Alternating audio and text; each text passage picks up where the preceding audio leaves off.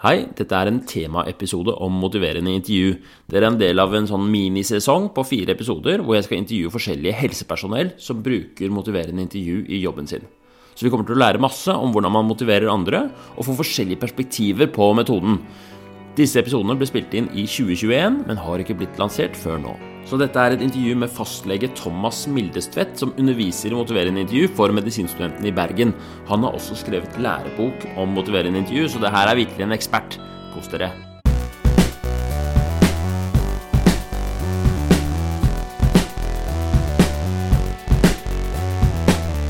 Kan ikke du introdusere deg selv litt, og, og særlig med tanke på motiverende intervju, og, og, og hvordan det har øh, vært i din karriere? Ja, gjerne det. Tusen takk for muligheten til å være med og snakke litt om eh, motivasjonssamtaler. Ja, jeg heter Thomas Mildestvedt. Jeg er fastlege i Bergen i eh, halv stilling. Og så har jeg en halv stilling på Universitetet i Bergen. Der jobber jeg som førsteamanuensis og har hovedansvar for eh, undervisning av legestudenter innenfor eh, allmennmedisin. Så det har nå jeg puslet med ganske lenge. Jeg er en sånn, uh, sånn, grå person og konservativ som stort sett gjør det samme hvert eneste år. Så sånn har jeg drevet faktisk på uh, i, uh, siden jeg startet karrieren min sånn tidlig på 2000-tallet. Så det, det, passer fint for meg å være sånn kombilege. 50% akademiker og 50% ute i krigen med alt som foregår i primærhelsetjenesten. Det er sikkert spennende tider eh, nå, både at man må finne, være fleksibel og finne nye løsninger både på, mm, på allmennlegekontoret og med studentene. Altså ta masse hensyn til pandemien og, og gjøre mye Du må være fleksibel og spille, svinge deg rundt, kan jeg tenke meg? Ja, og det var jo litt det som ble inngangen min til uh, dette temaet vi skal snakke om, om uh, motiverende intervju. Det var at jeg uh, hadde jobbet ett år fulltid etter siviltjeneste som fastlege. Og så skjønte jeg at dette er veldig gøy, men det er òg veldig krevende. Så hvis jeg nå ser for meg en lang karriere, så hadde jeg lyst til å ha en fot innenfor fagutvikling, da. Så eh, da gikk jeg eh, ned til uh, instituttet som jeg nå jobber på, som heter uh, Samfunnsmedisin og global helse. Og der uh, var det en kar som hadde et prosjekt gående som handlet om dette med å motivere folk. Så i 2002 så jobbet jeg sammen med Eivind Mæland med å se på en del hjerterehabiliteringspasienter. og det vi prøvde å få til, det er å se om det var mulig å gjøre en intervensjon som gjorde at vi fikk til eh, bedre langtidsvedlikehold av livsstilsendringer hos en gruppe hjerterehabiliteringspasienter eh, utenfor Bergen. Så da var det en flink eh, psykolog, Svein Folmo, som hadde utviklet en intervensjon som så på det om vi kunne tilby valg og gi litt mer individuell oppfølging, om det ville være bedre enn gruppeopplegget. Og da var jeg eh, rett og slett helt grønn på alt som handlet om endringsteori og motivasjon, så jeg ble jo nødt til å kurse meg. Så jeg eh, fikk jo da gleden av å ta en del kurs òg eh, innenfor temaet motivasjonsintervju, motivasjonssamtaler. og leste meg opp på en god del eh, endringsteori og motivasjonsteori. Så det var min inngang til, eh, til dette temaet. Men jeg kan tenke meg da, Hvis det var i 2002, da, det var ikke mye motiverende intervju på legestudiet da, vil jeg tro? Nei, det, det var ikke det. På det tidspunktet så hadde vi jo en del kommunikasjonstrening av ulik sort. Men eh, det, sammen med han veilederen min så ble jo dette inngangsporten til at vi har fått det inn på eh, grunnutdanningsplanen til medisinstudentene i Bergen. da. Ja, Så nå in, eh, underviser du i motiverende intervju til medisinstudentene, bl.a.? Ja. Det er en av de tingene som eh, jeg og vi er nå flere da, som, som, som tilbyr det. Så vi prøver å så det litt ut. For dette er jo et typisk eh, modningstema, da, så vi tror jo at det kan være lurt å få litt uh, på ulike tidspunkt gjennom studiet. Ja, det tror jeg òg. Det er ikke noe sånn derre eh, liten sånn eh, Altså, det tar jo tid å, å, å, lære seg Det her er jo på en måte ferdigheter og holdninger, ikke bare, bare noen gloser, liksom. Hva, eh, hva var det du Eller da du mm, begynte å, å lære deg motivere en intervju, eller eh, altså i forbindelse med det prosjektet i 2002. Hva, var det du, hva syns du om det da? Hvordan, eh, hvordan opplevdes det å lære, lære det? Altså du, du satt jo på en måte, eller egentlig gjøre, gjorde research på egen hånd da, til det prosjektet? Ja. Uh, jeg uh, Jeg var jo da samtidig i klinisk praksis, så det som jeg på en måte likte med motiverende intervju, er jo at det er jo utviklet ifra praksis. Uh, jeg må ærlig innrømme at innimellom når jeg satte meg ned med psykologene sine tidsskrift, og de har jo gjerne veldig lange og, gode teoretiske fremstillinger, så syns jeg det var vanskelig å tilegne seg. Eh, motivasjonsintervjuet den er, er, jo utviklet for prak praksis. Den eh, er ment å være eh, praktisk rettet.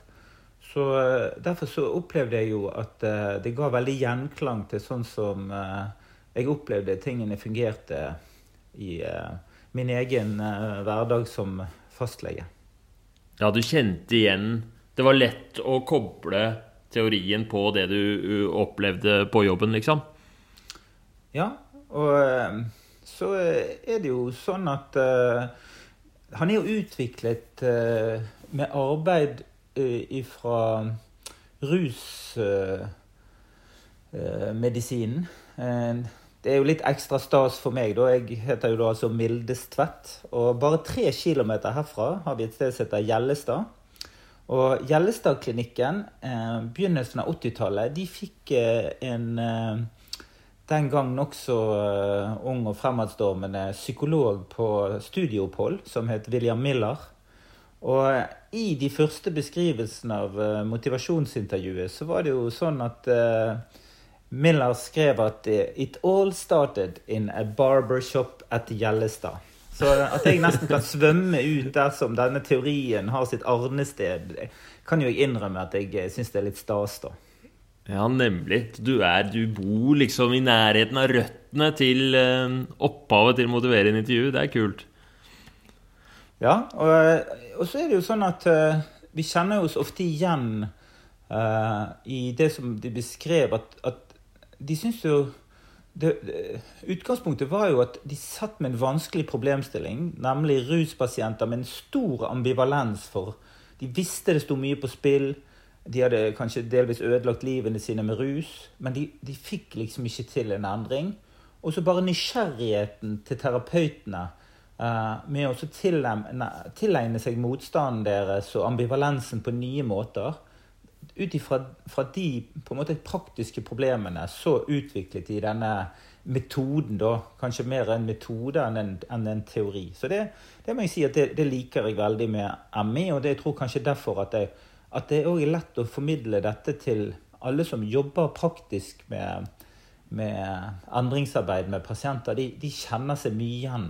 Uh, at det, det, er fort å catche noen poenger som de kan bruke i egen arbeidshverdag. Hva er liksom de der typiske Hvis du har en eller annen eh, en fastlegekollega da, som du lærer opp, eller, eh, eller som kanskje er helt i starten av å lære seg å motivere en intervju, hva er liksom de første viktige poengene du tenker er det viktigste å formidle? Du, jeg, eh, jeg, liker veldig godt uh, en øvelse jeg pleier å begynne kurs jeg har med. Og det er uh, en så enkel ting som å uh, få de til å reflektere over endring i sitt eget liv. For utgangspunktet er jo det at endring det er jo en del av det å være menneske. Vi, til enhver tid så har vi masse temaer som svirrer innom hodet vårt, så vi tenkte kanskje jeg skulle gjort en endring på det. Det kan være banale ting som eh, Nå må jeg se å få lagt meg litt tidligere. På tide å støvsuge huset. Men så kan det være større ting. Det kan handle om eh, eh, mer gjennomgripende ting på egen livsstil, eller kanskje relasjonelle ting. Uansett så er det veldig lett å få deltakere til å reflektere over at vi er jo i samme båt. Men det er kanskje forskjellige temaer vi har. Så mange av de som jeg underviser, de er jo typisk ressurssterke. Sant? De har en bakgrunn med hatt mye støtte i livet og, og fått mange ting til. Fordi hvis du skal få en utdannelse, så må du nesten ha lykkes på en del områder i livet. Men likevel så tror jeg alle òg kjenner på opplevelser av at de ikke har fått til. Så det tror jeg er en fin starting point, nemlig den øvelsen Hvilke endringstemaer har du hatt i ditt liv?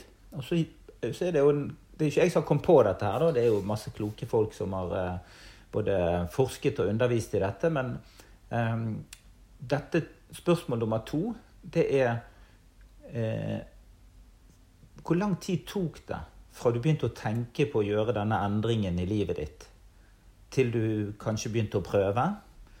Og hvordan har det gått seinere? Og ut ifra den refleksjonen, da, så kan du på alle kurs hente ut den samme erfaringen, nemlig at hovedregelen er at endring tar tid. Det er preget av ambivalens, og at ikke så rent få forteller om at noen ganger er vi flinke, og noen ganger så får ikke vi det så godt til. Så liksom dette med at eh, det kan være tilbakefall. Eh, så det syns jeg er et fint utgangspunkt for å få det litt ned på jorden. Og vi må ikke tro at det er oss mot, uh, mot, mot røkla, og at de, de får allting til, og de, de er mm. håpløse. Det er interessant det du sier med at uh, det spørsmålet om hvor lang tid tok det for deg. Hvorfor, mm. Kan du gå litt mer inn på det? Hvorfor det er viktig, det der med det tidsaspektet? Jeg tror mange i hvert fall Som lege så ser man for seg at nå skal det skje en endring som skal skje i løpet av disse 30 minuttene på kontoret. liksom. Mm. Nei, du, du, har et poeng. Og vi, vi, eh, vi kaller jo det for uh, uh, Altså le, leger, kanskje spesielt, men òg andre helsearbeidere. Vi, vi, har jo en eh, defekt. Og den defekten er jo reparasjonsrefleksen.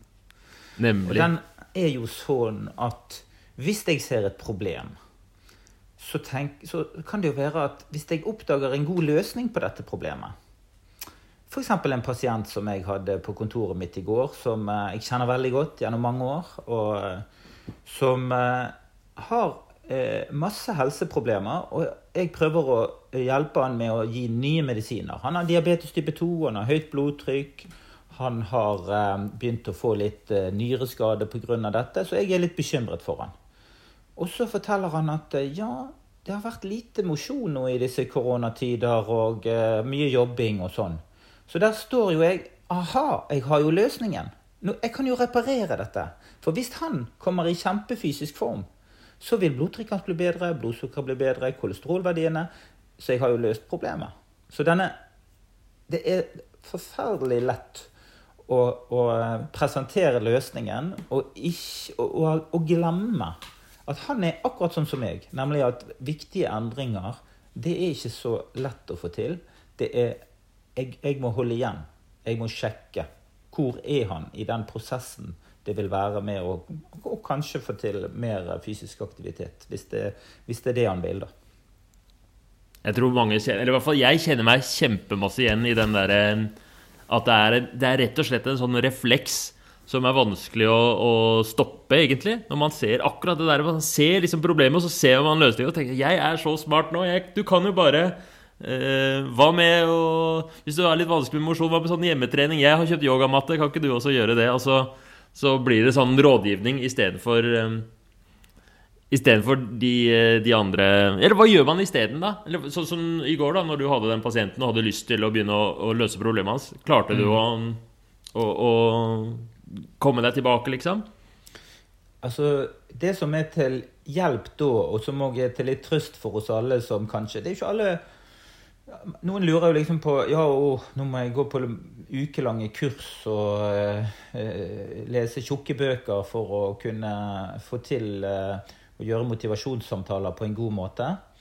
Uh, men jeg, jeg, tror det beste verktøyet jeg har, det er å trekke pusten. Og huske på eh, det vi kaller for MI-spirit, eller grunnholdningene. Og de er, er, er, alltid til hjelp. Nemlig å akseptere situasjonen for pasienten. Anerkjenne at uh, dette er vanskelig for han. Ja, det er ikke så helt enkelt å få til uh, regelmessig trening uh, når du jobber tolv timer om dagen og treningsstudiene er stengt, f.eks. Deretter så er det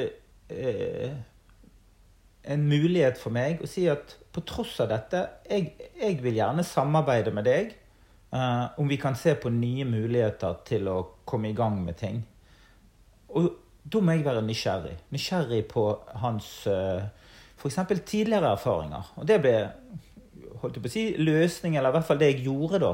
Det var at jeg spurte han ja, men uh, du har jo uh, du har jo fortalt tidligere at du har uh, fått dette godt til. Fortell, hva, hva, er det som har funket for deg? Og da kommer jo han sjøl på at jo, han må jo måle dette blodsukkeret sitt. Og så han hadde noen erfaringer at hvis han gikk på tur der det var litt motbakke, og for noen for to måneders tid siden så traff jeg han og samboeren på tur på, på, på en eller annen av de mange bakkene i, i Vestlandet. Og da var det motbakkegåing. Jeg tror han syntes det var litt stas da at han ble catchet uh, mens han gjorde ja, det, som jeg ja. Ta på fersken av legen i å drive fysisk aktivitet. ja. ja men, da, men, han hadde altså løsningen sjøl. Uh, nemlig at uh, han I og med trening var, var vanskelig å få til Eh, han hadde lite tid. Så var jo vi enige om at det eneste da dugde, var jo at da måtte han i hvert fall trene med litt intensitet hvis han skulle få noe mål ut av det. Så det blir spennende til neste gang kommer, for jeg blir jo nødt til å uh, hanke han inn igjen. For sannheten var at det, det var ikke så veldig bra. altså. Jeg var oppriktig bekymret. Så vi får se. Ja. Og så må jo jeg da ta inn over meg at det er jo ikke sikkert at han får til det han har uh, uh, satt seg som mål. Men det fine i uh, allmennpraksis er at vi kan følge folk over tid, og så kan vi ta inn, og så kan vi, kan vi sette, snakke sammen om hvordan det har gått, og, og kanskje justere målene. Så det, det, er fint. For Det syns jeg er veldig interessant. Det er jo eh, Hvor viktig syns du det er, det der med den der kontinuerlige oppfølging i endringsprosesser? Og sånn helt konkret, hvor ofte Sånn som med, han, da, hvor ofte vil du anbefale å, å, å ha samtaler? Hvis du, en, hvis du jobber med f.eks. fysisk aktivitet hos en pasient med mye blodtrykk og nyreproblematikk og diabetes? Ja, det, det, er et veldig vanskelig spørsmål å si noe veldig generelt om. Um, det er i hvert fall sånn at uh, vi, vi, får i allmennpraksis egentlig mye tid med pasientene, men det kan gå over lang tid vi får denne tiden. Nå har jo jeg vært fastlege. I år er det 20-årsjubileum. Og noen av pasientene har jeg kjent i 20 år.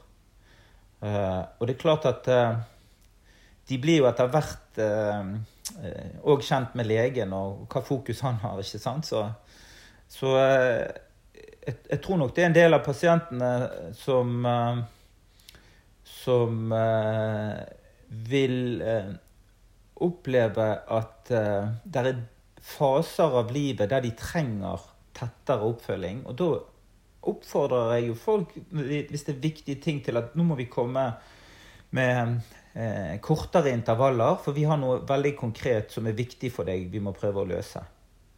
Så, så sånn prøver vi, vi prøver jo å balansere det mellom lange intervaller med kontroller. For det, vi må jo være effektive i dette helsevesenet vårt. Sant? Jeg har jo ikke ubegrensede mengder med tid og ressurser. Så hvis jeg opplever f.eks. at en jeg har hatt inne annenhver uke, at, vi, at, at, nå skjer det jo egentlig ikke noe, kanskje dette ikke har noe, noe er så viktig, så tar jeg det opp og sier hva tror du om vi øker intervallene?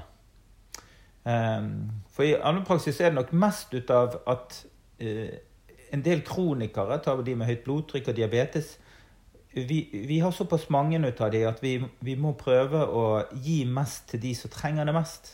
Så de som klarer seg sjøl, de må få beskjed om det. Og det Jeg pleier å si at uh, du er så heldig at uh, du trenger ikke komme igjen før om et år. For er, dette klarer du på egen hånd. Men så kan det være andre, sånn som han karen her. Der må vi kanskje si at nå eh, nå, nå, eh, må du komme om seks uker. Grunnen til at det må gå noen uker, det er jo det at vi må kanskje ha noen målbare endringer. Eh, eh motivasjonssamtale er jo én bit ut av det, og det kan jo i noen tilfeller gjøre at vi må ha de enda tettere hvis det hvis vi holder på med noe veldig konkret som røykeslutt, eller akkurat begynner å trene for første gang, eller sånne ting. Men i regel så tror jeg nok vi bruker lengre tid, og at vi sier seks uker. Da er det nokså kort tid til, og er nå blodtrykket meget høyt, så tar vi de tettere. Noe sånt.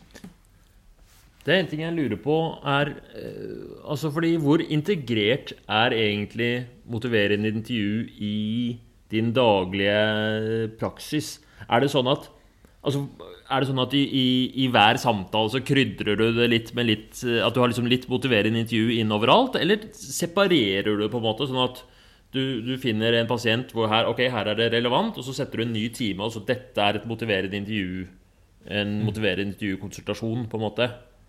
Kan du si noe om det? Eh, jeg har nok eh, svært sjelden, kanskje aldri, eh, en tanke om at denne timen handler kun om motiverende intervju. For meg, og det tror jeg er rimelig for de fleste som driver med sånn type klinisk praksis, det er at eh, man mer og mer eh, er i stor grad ubevisst om sin kompetanse. Eh, men at man går inn med den holdningen som vi snakket om i sted. Og ut ifra det så prøver man å være kreativ. Og så Noen ganger overrasker jeg meg sjøl med at jeg kommer på en av teknikkene i, eh, fra motivasjonsintervjuet. Så tenkte jeg jøss, nå kan jeg kjøre litt skalering her. Det har jeg ikke tenkt på. Det hørtes lurt ut.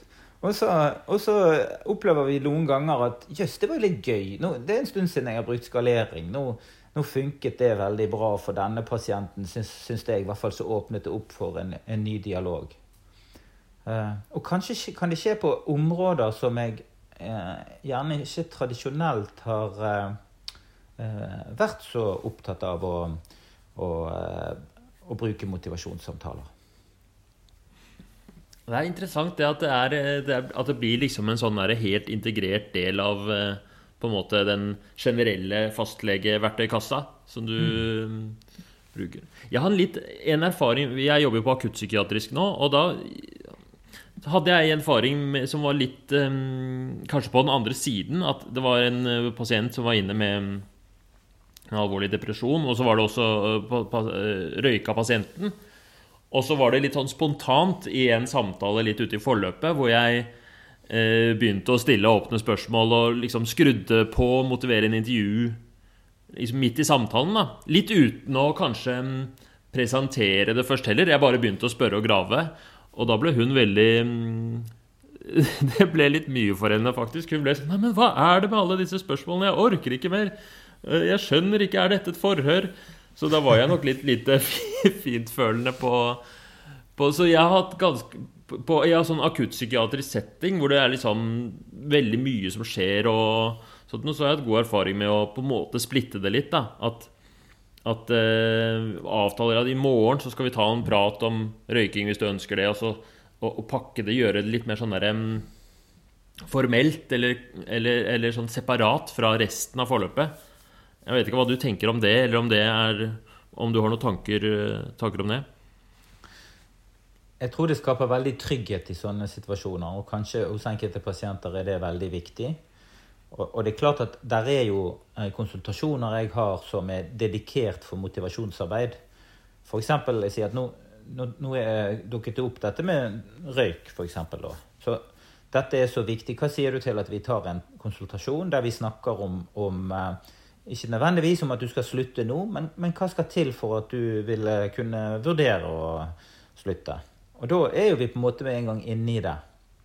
Um, det er bare sånn uh, i min hverdag, da, at uh, vi er jo uh, Vi driver jo med alt mulig i allmennpraksis. Og det at det er ikke så rent sjelden da at så kommer de igjen etter en uke. Sant? Så har de fått vondt i kneet siden sist, og så trumfer det liksom ja. røykeslutten mm. og, og så videre. Så, så ja, det kommer til røykesluttsamtalen, men så er det Kan vi ta det en annen gang, for nå har jeg blod i urinen, liksom? At det er Ja, så det, det, vi, må, vi må alltid være litt fleksible, da.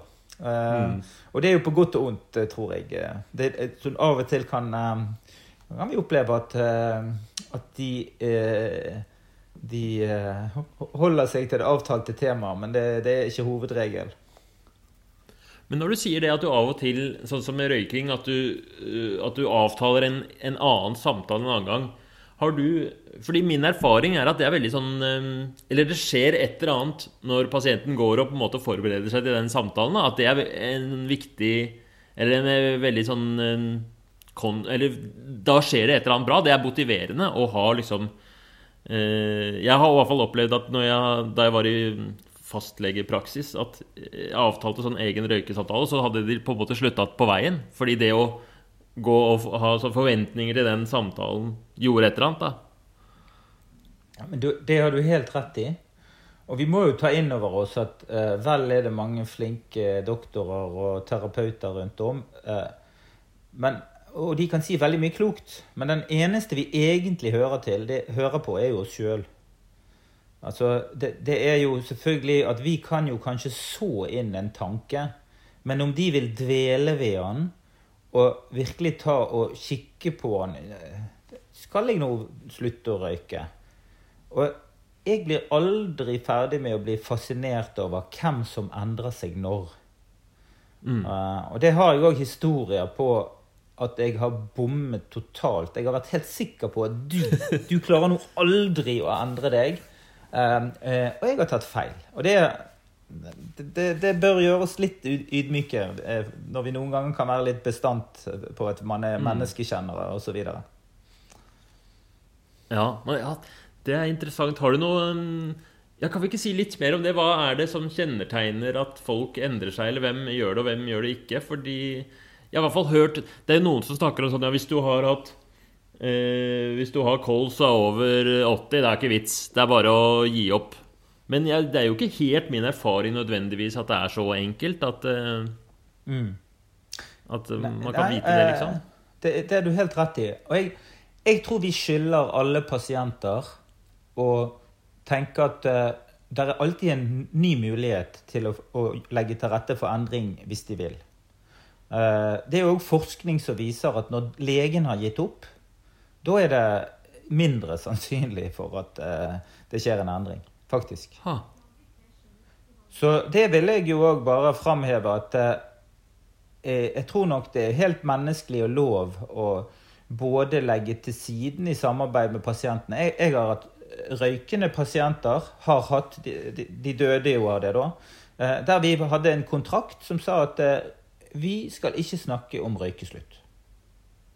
Vi kan snakke om alle andre helseproblemer, men det har jeg ikke lyst til å snakke med deg om. For jeg har bestemt meg. Jeg skal røyke til jeg dør. Og det denne pasienten jeg tenker spesielt på, eh, eh, var fullt innforstått med konsekvensen ut av det, men hadde, hadde bestemt seg for det. Og, og, jeg tenker at det er jo en del av, av uh, en side ut av det som vi òg må ta med i dette regnskapet. Men hvis vi ser vekk fra de da, som på en måte har vært uh, uttrykkelige i at dette skal ikke vi mm. snakke om, så ser jeg at uh, motivasjon er jo ikke noe du enten har eller ikke har. Sant? Det er en gradert skala. Det er mm. veldig sjelden at man har 0% motivasjon for noe, eller 100% motivasjon for noe. Det er nesten alltid bitte, bitte litt i en eller annen retning på denne skalaen. Så hvis vi ser vekk fra 0 til 100 eh, de som ikke fins, så er jo alle de andre på en glideskala. Og det er der vi da må Det, det er ut ifra denne glideskalaen vi jobber, da. Mm. Det var veldig interessant det der med at eh, dere hadde en kod. Kan du si litt mer om hvordan føltes det å ha Altså her er du liksom fastlege som eh, er på en måte ekspert i motiverende intervju og endringsarbeid, og, og sånt, og så får du en pasient som, som er helt hvordan, eh, hvordan, taklet du det? Altså, jeg, eh, jeg, kan godt dele den pasienthistorien. Eh, den er ikke så dramatisk utleverende, den. Men jeg, jeg, for en del år tilbake så fikk jeg en, en overvektig, en svært overvektig. Han hadde vel BMI på 43. Og yes. Eh, fedme begynner vel på 30, så det var jo en rimelig eh, overvektig pasient som eh, hadde jobbet som taxisjåfør, men var nå i ferd med å falle ut av arbeid pga. helseproblemer. Ja, så når du er over 40 i BMI, så har du jo på en måte dobbel vekt, da, egentlig. Ja. Det er eh, 20 er normalt. Så, eh, så klart at der hadde vi et kjempeproblem. Og som eh, vi vet, så er jo overvektsbehandling noe av det aller, aller vanskeligste vi kan drive med. Iallfall å få til varig vektreduksjon er jo unntaket. Eh, denne pasienten har jeg jobbet med en del år, og jeg eh, er jo, som du forstår, litt interessert i temaet livsstil og slikt. Så jeg, får vel si forsiktig at det, det, det var ikke det at ikke vi hadde snakket om temaet og prøvd å lokke fram den indre motivasjonen. Um, men denne pasienten han hadde òg uh, vært til en del utredning i forbindelse med uføresøknad som viste at han, han hadde veldig problemer med å så uh, tilegne seg ny kunnskap og følge opp de anbefalingene som var. Så vi hadde vel egentlig kommet dit hen at at nå var det mer å stabilisere situasjonen. og eh, En av de tingene som var veldig, eh, som er helt fantastisk med denne pasienten, det er det at han har et, et usvikelig godt humør. Han er faktisk den av mm. mine 1000 pasienter som absolutt alltid er i godt humør. Og det, det er jo litt interessant at det er mye, mye å lære på andre områder av eh, pasientene sine. Men historien rundt eh, motivasjon det var sånn at eh, jeg hadde snakket mye med han om eh, hva muligheter det ville være for han å, å, komme i litt bedre fysisk form. For han hadde bl.a. prøvd seg litt på et lager, et lagerarbeid, men han hadde rett og slett ikke fysikk til å bevege seg rundt på dette lageret. Uh, så etter noen år så hadde jo han kommet til at slankeoperasjon det var kanskje det som var den beste løsningen for han. eneste problemet med det, det er at hvis du skal slankeopereres, så må du faktisk være i stand til å kunne gjøre noen endringer i spisevanene dine særlig. Og, og, kanskje helst litt på mosjon. For hvis du slankeopereres og spiser akkurat som før, så kan det gå faktisk ganske galt. Mm. Eh, så jeg, eh, jeg, var veldig veldig bekymret da for om eh, han ble operert med, den, med, det utgangspunktet. Er det ikke noe sånn krav av og til? Jeg synes jeg husker at man må før operasjonen så må man klare et sånn kaloriregime eller et eller annet sånt noe? Ja, jeg tror de ga noe sånn knekkebrøddiett. uh, så det, den uh, kommer han av og til tilbake til. Men jeg, ja. jeg, jeg var vel de, de, kommet dit med, med denne pasienten at uh, her ser jeg veldig lite potensial for endring. men det som kanskje Som jeg selvfølgelig da ikke kan forutse, det er jo hva ellers som kan skje i et menneske sitt liv. Og Eh, han karen min han er skilt. Han er nå da ufør og, og, har egentlig hatt ganske lite sosialt nettverk. Men så har vi jo disse sosiale mediene, vet du. Mm. Og plutselig så fikk han en ny tittel. Han fikk seg en jobb. Og det var Han var blitt administrator på en gå-gruppe på Facebook. Oi. Så plutselig så var jo han den som sprudlet inn døren. For nå hadde han fått seg nye venner, og de hadde regelmessige avtaler om å gå ut på tur. Og, og én eh, ting er jo at det selvfølgelig var utrolig positivt for helseproblemene hans. Men han var en glad gutt fra før. Men eh, han var ikke mindre glad nå, for nå hadde jo han liksom fått en, eh, en mening her.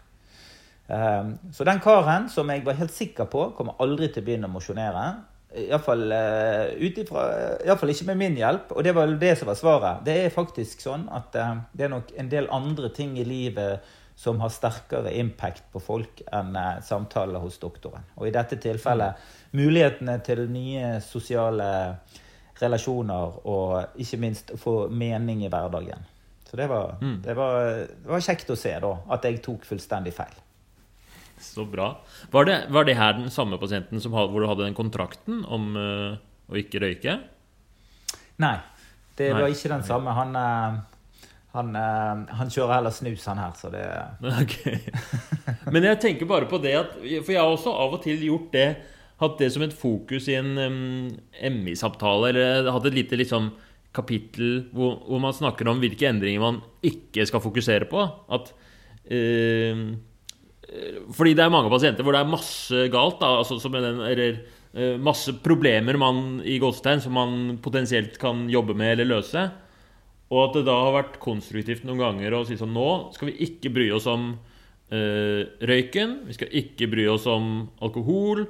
Det eneste vi skal tenke på nå, er um, eh, kosthold. Ikke trening heller. Du skal ikke ha noe press på deg for å trene. Eh, fokus er eh, Vi fokuserer på eh, den røde saften. Du skal kutte ut rød saft. Du kan drikke gul saft, ikke rød, rød saft. For eksempel, da. At man liksom avgrenser det. Har du noen erfaringer med liksom Eller det virker jo litt eh, som at man jeg føler i hvert fall at det av og til kan frigjøre energi til å kanskje jobbe med den konkrete endringen, og da kanskje få til noe sånn helt bastant. Det har vi fått til, som man kan bygge på senere, da, som blir en kilde til mestringsfølelse og blir en kilde til, eh, til videre progresjon. Ja, jeg tror du peker på noe veldig viktig der, nettopp som handler om at vi blir mer motivert av det vi får til, enn kjeft over hva vi eh, på en måte mislykkes med. Så særlig for de som strever mye, så er det jo akkurat som du sier. Sant? De får liksom servert en elefant. Vær så god, eh, forsyn deg. Og, og, det er overveldende. Og det kan være vanskelig å ta tak i en livsstil når liksom alt er galt.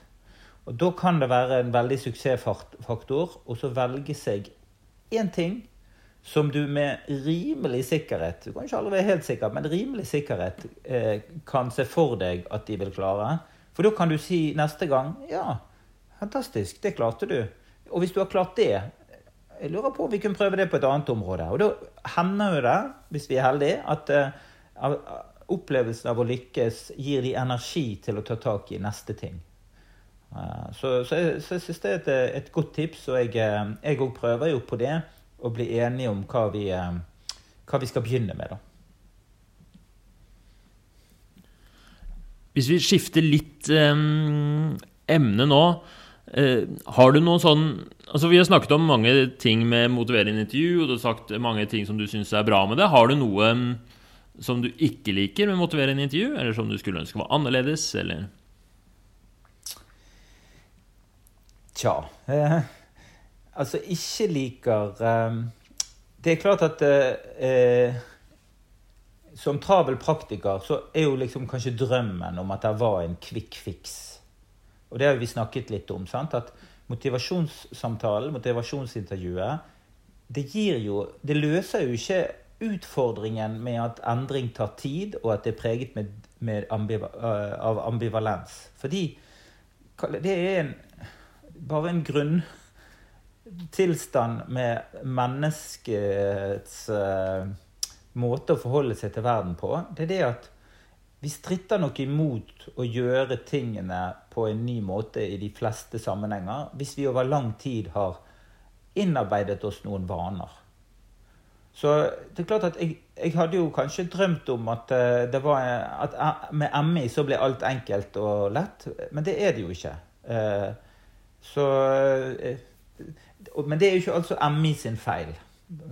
Som i hovedprinsipp så, så, så, har jeg veldig nytte av å bruke prinsippene derfra. Men, eh, men det er vel kanskje en liten advarsel. Hvis man da tror at eh, endringsarbeid da dermed blir lett, så er jo svaret at det blir det jo ikke. Nå har du holdt på med MI i snart 20 år. Ser du noen utvikling i i kanskje ikke metoden nødvendigvis, men hvordan metoden blir brukt, hvilken rolle det har i, i, i samfunnet, hvor, uh, hvor, hvor, viktig det er for, for i, i, praksis til forskjellige helsearbeidere? Ja, jeg eh, ser at uh, her er det muligheter for uh, at vi kan få, få mer dialoger på, på tvers av profesjoner. Og da ikke bare innenfor helseprofesjonene. Nå er det jo sånn at Innimellom så um, er jo jeg i tverrfaglige settinger rundt pasienter med komplekse problemstillinger. Og, og da merker jo jeg meg at uh, det er, får jo mer og mer utbredelse, dette. Uh, sånn at både sosionomer og uh, sykepleiere og fysioterapeuter og leger og Nav-ansatte, ikke minst, og, og, personer som jobber på, fra ulike settinger inn mot klientene, de vi kan snakke litt samme språk og dra i samme retning. Og da tror jeg òg at eh, MI er, veldig egnet for å lage tverrfaglige kurs. Så det har jeg faktisk fått lov til å være litt med på sjøl òg. Eh, med på noe som heter Exercises Medicine eh, Norge. Og vi eh, inviterer bredt ut eh, blant de som jobber innenfor eh, livsstilsendring med fokus på fysisk aktivitet. Så vi har mye kurs for nettopp både Nav-ansatte, eh, fysioterapeuter og leger sammen. Og når vi snakker om motivasjonsarbeid, så spiller det nesten ingen rolle hvilken utdanningsbakgrunn du har. Eh, du, det går fint an å snakke om disse prinsippene, og vi kjenner problemstillingen igjen. Og, det kan jeg ærlig si, det, det har det vært fryktelig lite av i mange mange år. Nemlig at man møtes på tvers av fagprofesjonene og, og, og, tenker å lære sammen om hvordan vi kan uh, hjelpe klienter vi tross alt har felles. da. Så Det håper jeg og tror jeg kan uh, bli en framtid for, for MI. Det der syns jeg er kjempeinteressant. Både, både, med tanke på MI, men også for, med tanke på profesjonene generelt. Jeg, altså i, mitt, I løpet av mitt seks år lange medisinstudie så kan jeg telle på én hånd de eh, undervisningssituasjonene hvor vi var med andre Altså, jeg husker det var én forelesning hvor det var noen politistudenter en gang. Og det var jo helt sånn utrolig hva, at vi ble liksom eksponert for noen andre yrkesgrupper. da. Altså, Vi traff jo knapt sykepleiere eller sykepleierstudenter. Og det var ingen som fortalte meg hva en ergoterapeut var, ikke sant? bortsett fra hun klassekameraten min som tidligere hadde studert ergoterapi. Så det var Der tror jeg det er masse å gå på. Også, og det er kult at motiverende intervju er sånn bidragsyter til det, da. Ja, så der, Jeg håper vi kan kanskje få litt drahjelp òg fra eh, myndighetene. Sant? Fordi at Det lages jo en del regler for bl.a. hvordan man kan godkjenne videre- og etterutdanning. Og eh, insentiver Hvis de virkelig mener at eh, framtidens eh, hjelpere de bør koordineres bedre, og de bør snakke samme språk, så tror jeg at eh, det kanskje må komme litt insentiver òg. F.eks. så er det jo eh, veldig dumt da, at uh, hvis legen har et kurs i motiverende intervju, så får ikke man verken poeng eller invitasjon hvis man er i en annen profesjon, og vice versa. Sant? At vi må mm. vi, Jeg har håp om at i framtiden så, så, gjør vi litt mer ting sammen, og at det regnes som, som ikke bare faglig forsvarlig, men det er faglig ønskelig. Mm. Ja, jeg tror det er kjempeviktig. Jeg har, når jeg har drevet med den jeg motiverer en intervju-podkasten litt sånn på hobbybasis, så har det vært så mange av de som har vært interessert i det, og som har sendt meldinger og, og sånt, nå har vært fra andre yrkesgrupper. Det har vært lærere, og det har vært psykologer og sykepleiere og eh, personlige trenere og liksom et virvar av Og det er veldig, jeg syns det er veldig fint at, eh, at man kan møtes og snakke fag utenfor sin egen lille mm, boble, liksom. Mm. Absolutt. Skal vi gå inn i eh, hva mm, Altså om du har noen sånne mm, typiske Eller noen sånne tips til sånn, Hva er de vanligste tingene du eh, råder folk til på, de, på kurs eller eh, om motiverende intervju? Og hva er de typiske sånne misoppfatningene eller tabbene eller feilene folk gjør? Ja, jeg kan godt ta det siste først. Uh, en, en uh, Om man ikke er typisk, men en mulig misoppfatning når vi sier til studentene at vi skal være pasientsentrert. Det er pasientene som skal styre hvor, uh, hvilke temaer. Vi, vi ber jo typisk om tillatelse til å snakke om en endring. ikke sant? Og eh, da kan jo vi noen ganger misforstås dit hen at vi som eh, eh, hjelperne deres er likegyldige til om de lykkes eller ikke.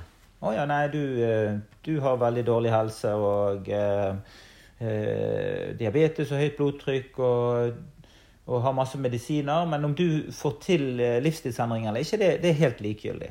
Og det, denne metoden er jo ikke slik. Den er, det er nemlig sånn at verktøyet vi bruker og det, Nå har vi snakket veldig eh, som vi sier, sånn Meningen er jo ikke å gå inn i de spesifikke eh, verktøyene i MI. Men det er jo egentlig en veldig avansert eh, modell. Og det gjør det òg spennende å, eh, som eh, fagutøver. For det, det er alltid nye lag av muligheter for å lære nye ting. Så jeg pleier å si at samtalene våre, det er òg eh, Vi må òg ha en verktøykasse med inn der. Og da er det jo sånn at når jeg skal eh, fikse ting eh, i huset Hvis jeg skal skru inn en skrue, så kan ikke jeg hente en hammer. Og det er jo litt uh, sånn Du kan, men det blir ikke så pent høl du er av det derre det, det kan bli litt trøblete. Men det bildet, da, om at vi bruker faktisk teknikker for å fremme en villet endring hos pasienten. Og hovedregelen i settingen vår er jo at folk er jo ikke der for å så uh, få en varm stol å sitte i. De er jo der fordi de har et problem de ønsker å diskutere med, med doktoren sin. Og Derfor så er det sånn at uh, vi er pasientsentrert, ja. Men vi prøver å, å øh, løfte fram de positive aspektene ved endring. Fremme endringssnakk. Positivt endringssnakk. Og det er mange forskjellige metoder for å lokke frem pasientene sin egen motivasjon for endring. Og Der ligger kanskje den misforståelsen eh, som en del kan ha, nemlig at eh, ja, ja, pasienten var ikke motivert, så da tar vi neste. Og så glemmer man at eh, her er det snakk om grader av motivasjon.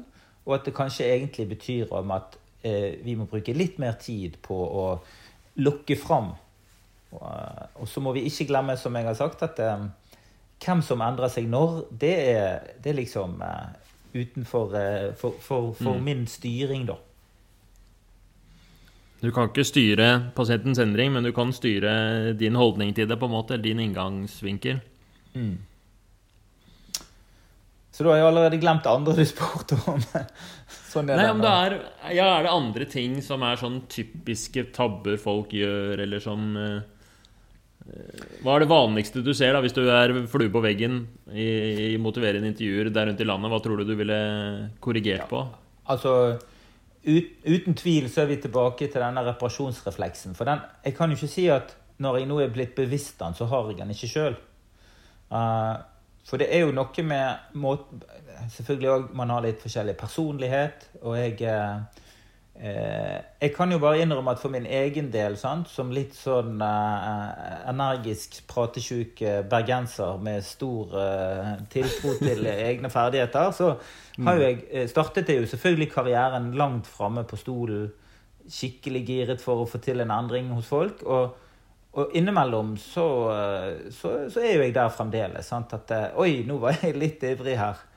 Og, øh, og, det tror jeg jo Når vi da veileder studenter, og vi har jo også sånne praksisbesøk hos hverandre og lærer oss hverandre som en del av videreutdannelsen Det er nok det å ville mer enn pasienten som er vårt største, største utfordring, da. Det tror jeg. Ha, har du noen sånne triks hvis det skjer? For det skjer med meg også, nemlig. Og at jeg eh, kjenner at oi, nå er jeg for gira, nå, har jeg gått, nå er jeg for langt fremme på stolen. Har du noe sånn eh, Jeg vet ikke om du har noe triks eller metode for å hanke deg inn, ja. eller du har noen erfaringer at du har fått det til bra? Men, faktisk, eh, siden du nevner det, den stolen, så det er jo Hvis man tenker litt over eh, hvordan eh, det nonverbale fungerer Altså det er jo så trekke stolen en halvmeter lenger bak, sette seg litt lenger tilbake, eh, sitte avslappet, og så tenke at eh, nå skal jeg bare være lyttende og nysgjerrig. Og eh, en god konsultasjon er når jeg har snakket litt mindre. Hvis jeg på en måte klarer å eh, eh, For jeg må jo òg motiveres, må ikke jeg vel? Altså, Terapeuten må jo òg finne den balansen mellom eh, å hente energi for å aldri gi opp, for det er ikke lett, eh, og samtidig eh, ikke bli for ivrig. Så, så jeg tror jo at vi òg er jo i en endringsprosess som terapeut. Og den endringsprosessen den blir vi holdt på å si, heldigvis aldri ferdig med. Den er sånn at For hvis vi var helt ferdige, så hadde, tror jeg jobben vår blitt kjedelig. Og og eh, Hvis det er noen der ute som eh, lurer på eh, om legelivet er kjedelig, så syns jeg i hvert fall at det er mye vi kan si om legelivet, men kjedelig det er det ikke. Og nettopp fordi at pasientene altså Problemstillingene kan jo handle litt om det samme, men pasientene er jo alltid unike. Og jeg har egentlig ikke peiling hva som foregår inni hodet på folk. Så, så, det å ta en sånn nysgjerrig holdning, det er jo en vaksine da mot å gå lei fra f.eks. blodtrykksbehandling. Blodtrykksbehandling kan jo være kjedelig, men folkene som har høyt blodtrykk, de vil alltid tilføre noen nye aspekter som, eh, som gjør at du sjøl bevarer eh, litt av gnisten, da. Ja, det tror jeg er veldig bra. Hva har du til slutt har jo Tiden løper fra oss her, men har du noen Til slutt noen minner eller historier fra, fra jobben hvor du, hvor du, har brukt motiverende intervjuer, eller det har vært en god opplevelse? Jeg vil ta en helt til slutt som eh, Jeg vil bare minne om at motiverende samtaler er, er nyttig på helt andre områder enn det som har med direkte livsstil å gjøre. Eh, noen av eh, de tøffeste pasientmøtene, det er jo de som virkelig har gitt opp. Eh, de ser seg sjøl som mislykket på alle områder. De eh, har hatt eh, helseproblemer. Veldig ofte depresjoner. Og de har kanskje hatt helseplager som helsevesenet ikke har klart å forklare på en god måte. Og noen av disse står liksom eh, akkurat på kanten av å tenke at nå er det ikke noen muligheter for meg å fungere i arbeidslivet. Og de tenker kanskje at nå eh, er tiltak å bli ufør, da. Og det er jo en dramatisk eh, avgjørelse for i et menneskes liv. Og det er jo òg egentlig en utrolig viktig tema å håndtere på en god måte av helsevesenet. Fordi selvfølgelig de økonomiske og samfunnsmessige konsekvensene er store. Så der har jeg en erfaring nå ehm, eh, Det er flere problemstillinger som ligner på dette jeg jobber med. Men eh, pasienter som kommer og sier jeg, eh, nå orker jeg ikke mer, du må søke uføre for meg. Og det er jo Da, da, da er det nemlig mye på spill. Sant? Altså, de har et helt konkret spørsmål til deg, og du vrir deg i stolen, for du tenker at oi, dette er et vanskelig spørsmål. Det har jeg ikke lyst til å si ja eller nei til. Jeg kjente jeg, synes, jeg vrei meg i stolen når jeg hørte du fortelle om det. Jeg bare, Hvordan takler man den situasjonen der, liksom? Ja. Og, og jeg tar det opp fordi at dette er Der er eh, ulike varianter av å bli spurt om ting der du ikke har lyst til å si ja, men du vet at sier du nei, så blir det en stor eh, Da kan det gjøre noe veldig vanskelig med relasjonen. Og min, eh, mitt råd til meg sjøl, og som eh, tror kanskje kan funke for andre òg, det er det at igjen, husk på holdningene. sant? Aksepter at problemet er der. Anerkjenn at det er der. Eh, og det kan man si. Og si at sånn som du tenker om ditt liv nå, så skjønner jeg godt at du ser for deg at ikke du kan fungere i jobb. Og så legger jeg det da til, og nå, nå er dette her selvfølgelig situasjoner der det ikke er sånn at jeg åpenbart tenker at ja, du, du er så syk at selvfølgelig skal vi gjøre dette. Nå snakker vi om de situasjonene du der som lege ser at her er det et potensial, eh, men de har mistet troen på seg sjøl. Og da eh, kan det noen ganger fungere og så si at eh, avgjørelsen, varig ufør eller ikke, den ligger foran oss. Eh, den trenger ikke vi ta stilling til i dag. Eh, men du må være klar over at eh, den avgjørelsen som er så viktig for deg, den vil jo hele tiden være påvirket av hvordan du har det, og akkurat nå har du det veldig vanskelig. Så nå får du heller en annen oppgave av meg til neste gang, og det er ikke å finne svaret på om du skal jobbe eller ikke. Men da er vi over på du kan det en, en variant av uh, skaleringen, da. Og der er det jo sånn at uh, den klassiske skaleringen den spør jo hvor viktig er det for deg å eh, endre din, denne livsstilen, hvis det er det det er snakk om. Men i dette tilfellet så er det jo mestringsfølelsen deres som er null, da. Eller ikke null, for hvis den var null, så var ikke det håp. Mm. Den er nesten alltid veldig lav. Men hva mm. skal til for at du ser deg i stand til å Og da er det ikke jobb, fordi det er altfor tidlig. sant? Det er akkurat samme eh, De er ikke klar for å slutte å røyke nå. De er ikke klar for den, Det ligger framme, den viktige avgjørelsen. Så vi må lage noen delmål. Så da blir det hva skal til for at du skulle kunne, eh, kunne tenke at det var et alternativ, som var å ikke slutte jobb? For da vet jeg at det må skje noe i deres egen tid. det må skje noe mens de er hjemme. Eh, det nytter ikke hva jeg sier. De må oppdage, de må finne en eller annen gnist. Om det handler om at de kommer på ting de har klart før, personer som har hjulpet dem, eh, eh, kanskje ting de egentlig har lyst til å gjøre, skaffe seg mer kompetanse.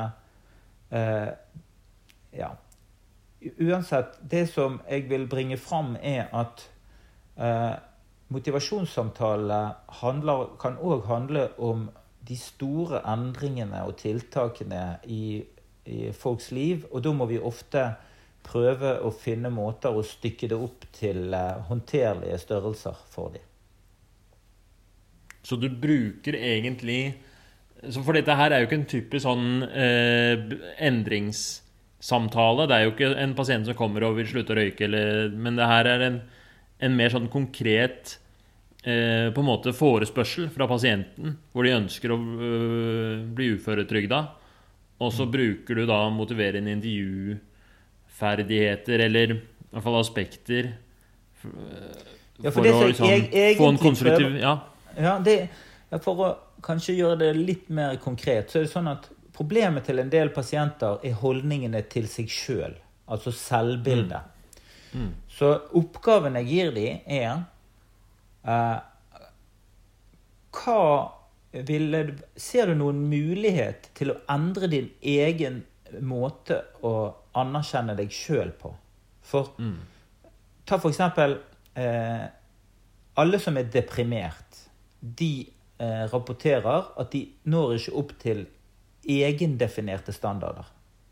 Det var en eh, doktorgrad fra 1996 som heter eh, Rones, tror jeg. Og han fant at han, han, han sjekket mange eh, pasienter med depresjon. Og det var én gjenganger hos alle.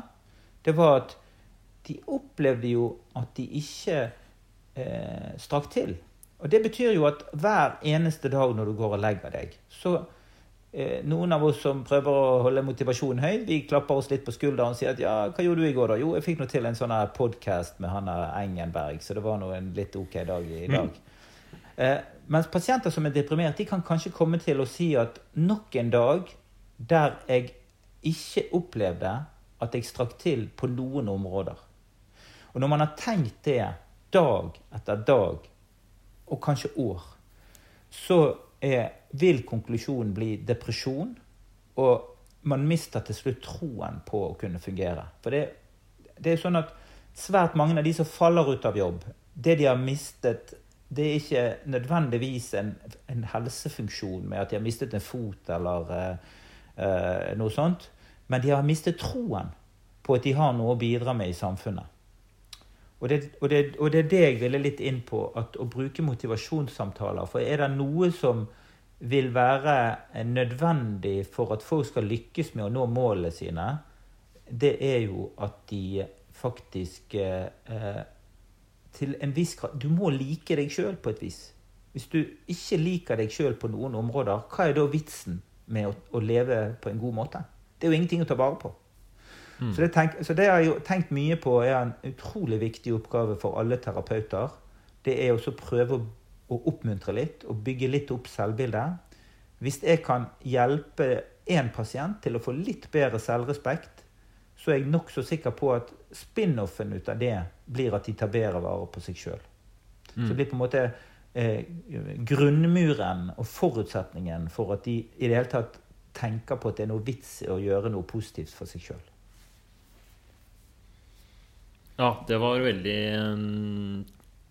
Ja, det, det var veldig interessant.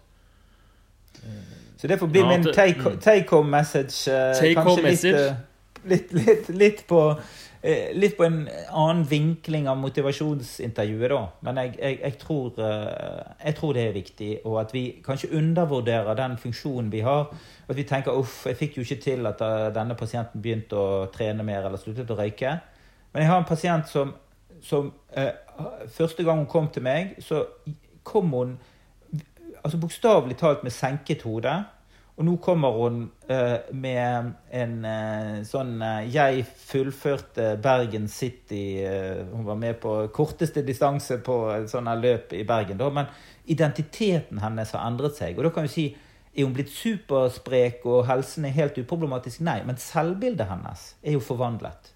Og da tenker jeg hm, ja, det er jo kanskje en bra achievement. Ja, for Det er lett å drive og henge seg opp i de der målbare parameterne og røyking og vekt og, og sånt men fy søren så viktig det er med den der underliggende selvfølelsen. For velvære for alt. Det er sånn det er. Vi liker å ha det bra, så det er sånn Det unner vi flere å få oppleve. Tusen takk for at du stilte, Thomas. Det her var utrolig nyttig og lærerikt, i hvert fall for meg. Jeg håper folk eh, har glede av dette. Og eh, ja, tusen takk. Takk for at jeg fikk eh, være med, og fint at du retter fokuset mot dette, Herman. Og lykke til med de videre podkastene. Takk skal du ha. Ha det bra.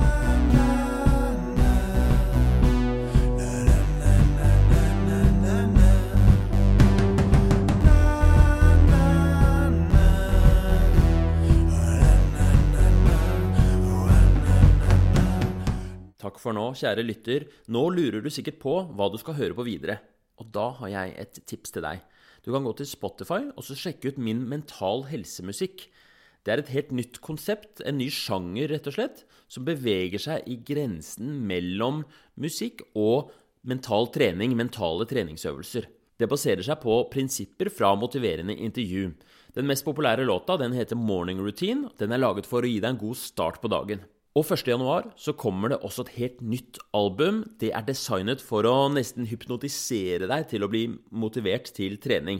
Så det jeg har tenkt, er at nå skal det bli mulig å gjennomføre nyttårsforsettet ved å høre på disse låtene. Hele albumet er ikke mer enn ti minutter, men det gir deg sånn knallhard motivasjon til å trene. Så det gleder jeg meg til å vise fram. Så gå inn på Spotify, finn Herman Egenberg MD. Gjerne følg profilen min der, det hjelper jo meg, men da får du også beskjed når det kommer nye låter og album. Og det kommer du til å gjøre hele tiden framover. Ålreit, da ønsker jeg deg en god dag videre.